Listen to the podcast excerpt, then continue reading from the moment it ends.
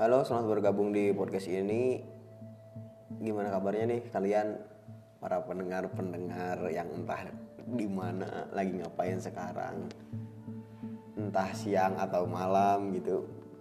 Masih pada semangat kah eh, kegiatan di new normal kali ini? Sebenarnya kayak nggak ada new normal sih, cuman ya gimana kembali ke normal lagi aja gitu bukan bukan normal yang baru tapi menormalkan yang telah lama dulu gitu. Kegiatan yang dulu dulu mulai kembali lagi dan buat adik-adik yang masih sekolah nih kakak-kakak kuliahan gimana? Masih semangat kah e, belajar online sistem daring?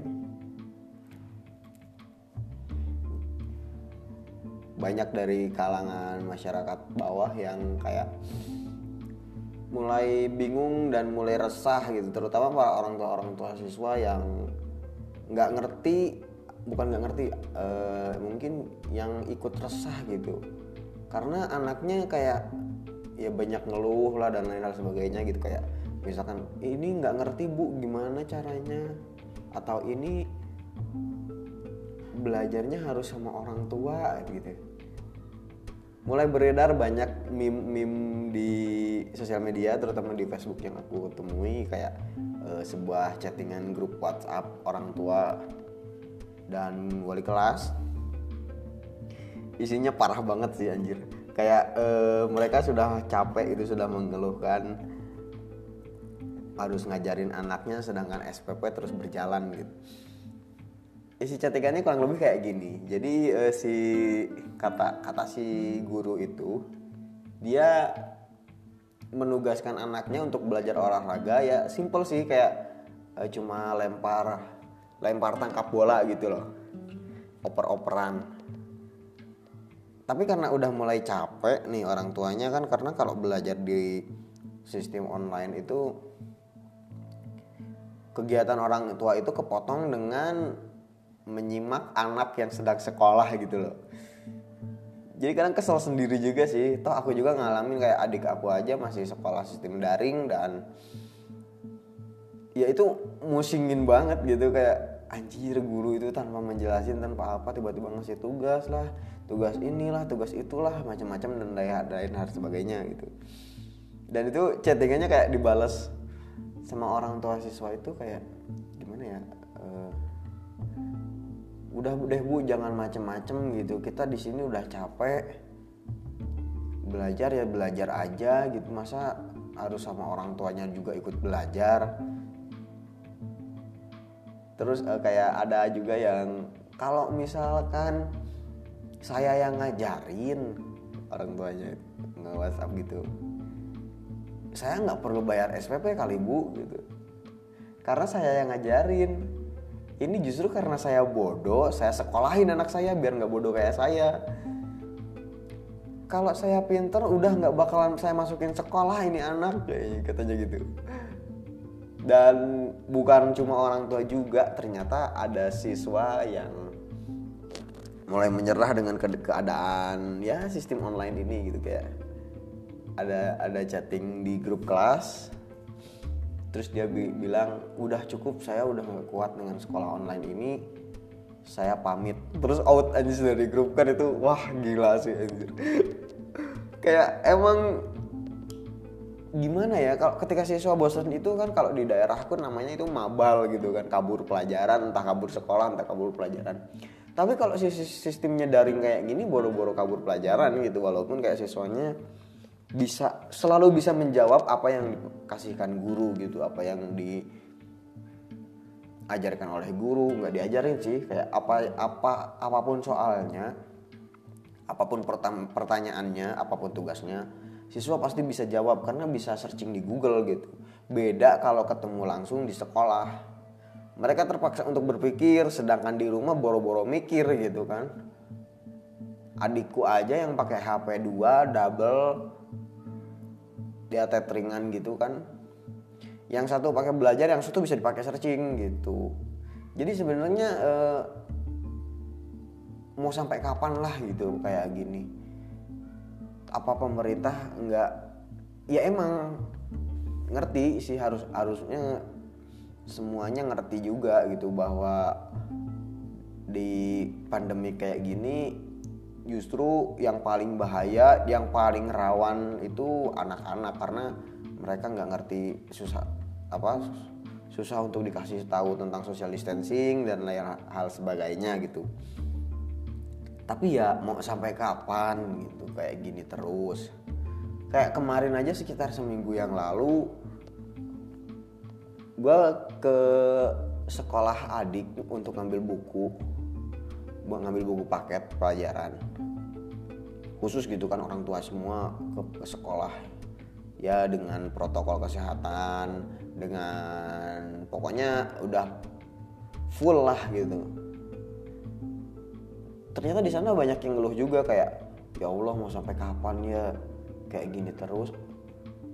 Di sisi lain udah pusing mikirin kuota gitu kan apalagi orang-orang yang hanya cukup uang uang hanya cukup untuk makan gitu kan. Terus uh, kayak aku juga baru tahu kemarin dua sekitar tiga hari lalu bahwa di salah satu daerah entah daerah mana itu lupa ada seorang siswa yang terpaksa pinjem HP tetangganya untuk belajar online. Kayak itu sih wah ngeri banget sih. Makanya aku kayak mikir apa pemerintah nggak ada niatan buat subsidi HP kayak misal gitu atau subsidi kuota gitu. Toh uang syarat 100 T itu kayaknya lumayan lah cukup gitu kan. Dana dana covid kan 900 T nih. Nggak tahu 900 M lah lupa gitu. Pokoknya sekitar segituan lah.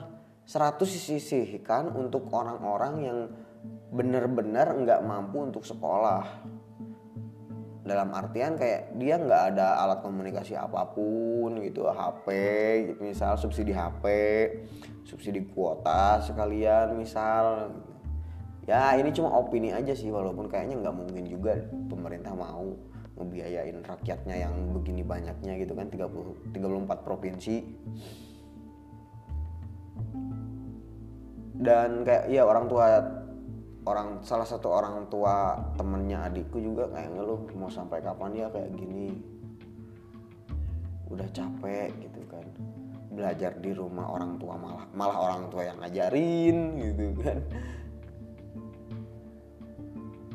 Ya ini cuman sekedar mau apa ya mengutarakan kekesalan gitu. Soalnya kayak gue lagi enak-enak tidur kayak diganggu banget gitu anjir sama ocehan-ocehan yang pada sekolah gitu. Padahal kayak ya emang gue nggak ngalamin sih. Pusingnya kayak gimana gitu kan.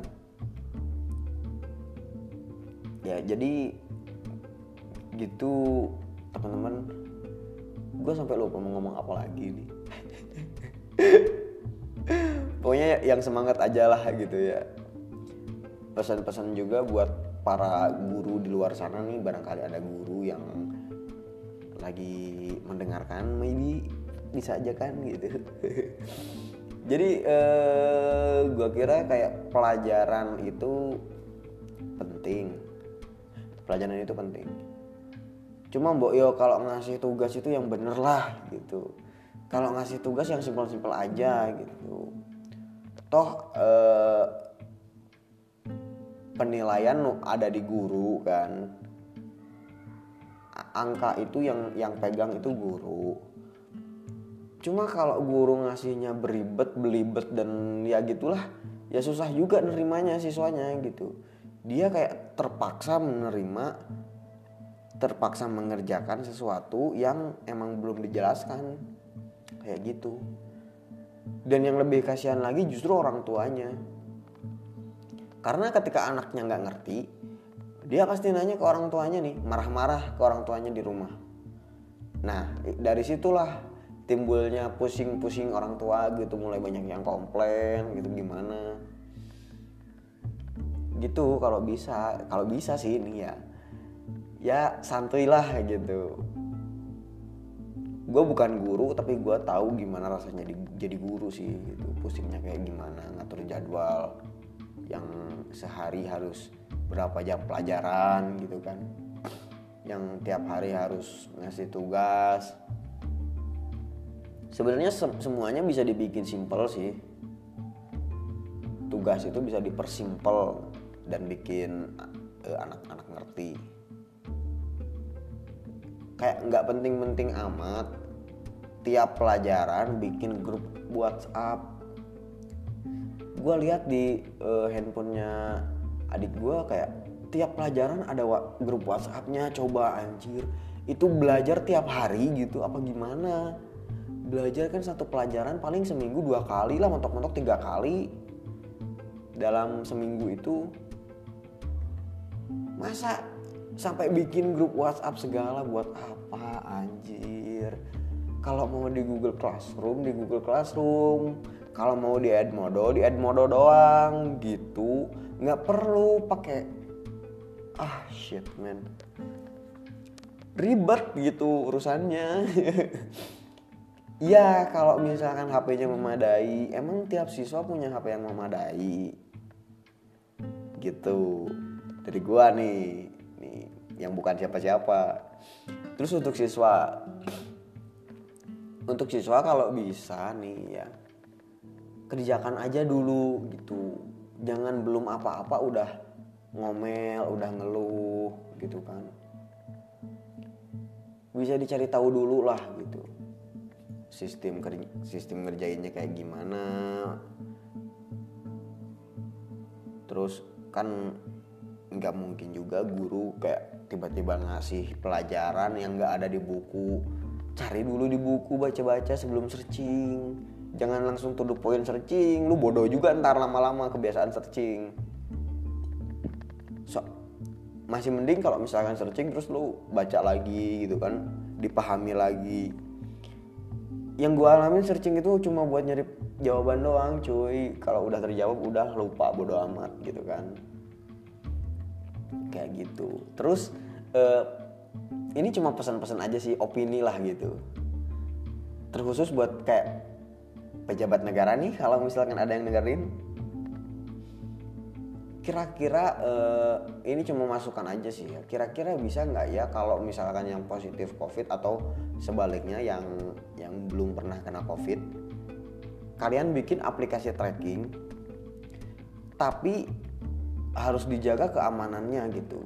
Mau itu pakai akun fake mau pakai akun apa terserah. Yang penting HP-nya tertracking gitu. Biar apa? Biar nanti pas ada yang kena covid kayak misalkan tuh contoh yang kemarin berita yang guru positif covid 130 siswa di tes swab. Nah kalau misalkan tiap guru pakai aplikasi tracking yang gue maksud terus salah satunya misal ada yang positif covid kan ke tracking tuh dia ke mana-kemana aja. Jadi usahakan itu mau mau orang tua mau eh mau orang tua siswa mau guru mau warga biasa. Pasang aja aplikasi trackingnya.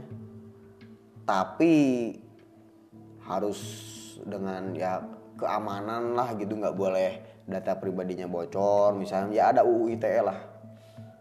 Nah eh, setelah di tracking eh setelah tracking itu ada nah nanti kelihatan kan nih. Si orang ini eh, si yang positif ini eh bentar ralat. Orang yang positif covid tinggal lu pegang HP-nya lihatlah di aplikasi itu tracking dia ke mana-kemananya. Jadi kayak kalau misalkan kalau pikiran aku kayak uh, misalkan aku positif covid nih terus aku bisa aja bohong dong. Aku udah ke mana doang gitu yang padahal aku udah ke acara pernikahan misal tapi aku ngakunya cuma ke warung doang bisa aja kan gitu Nah dari aplikasi tracking ini nanti kelihatan gitu ke mana ke mananya.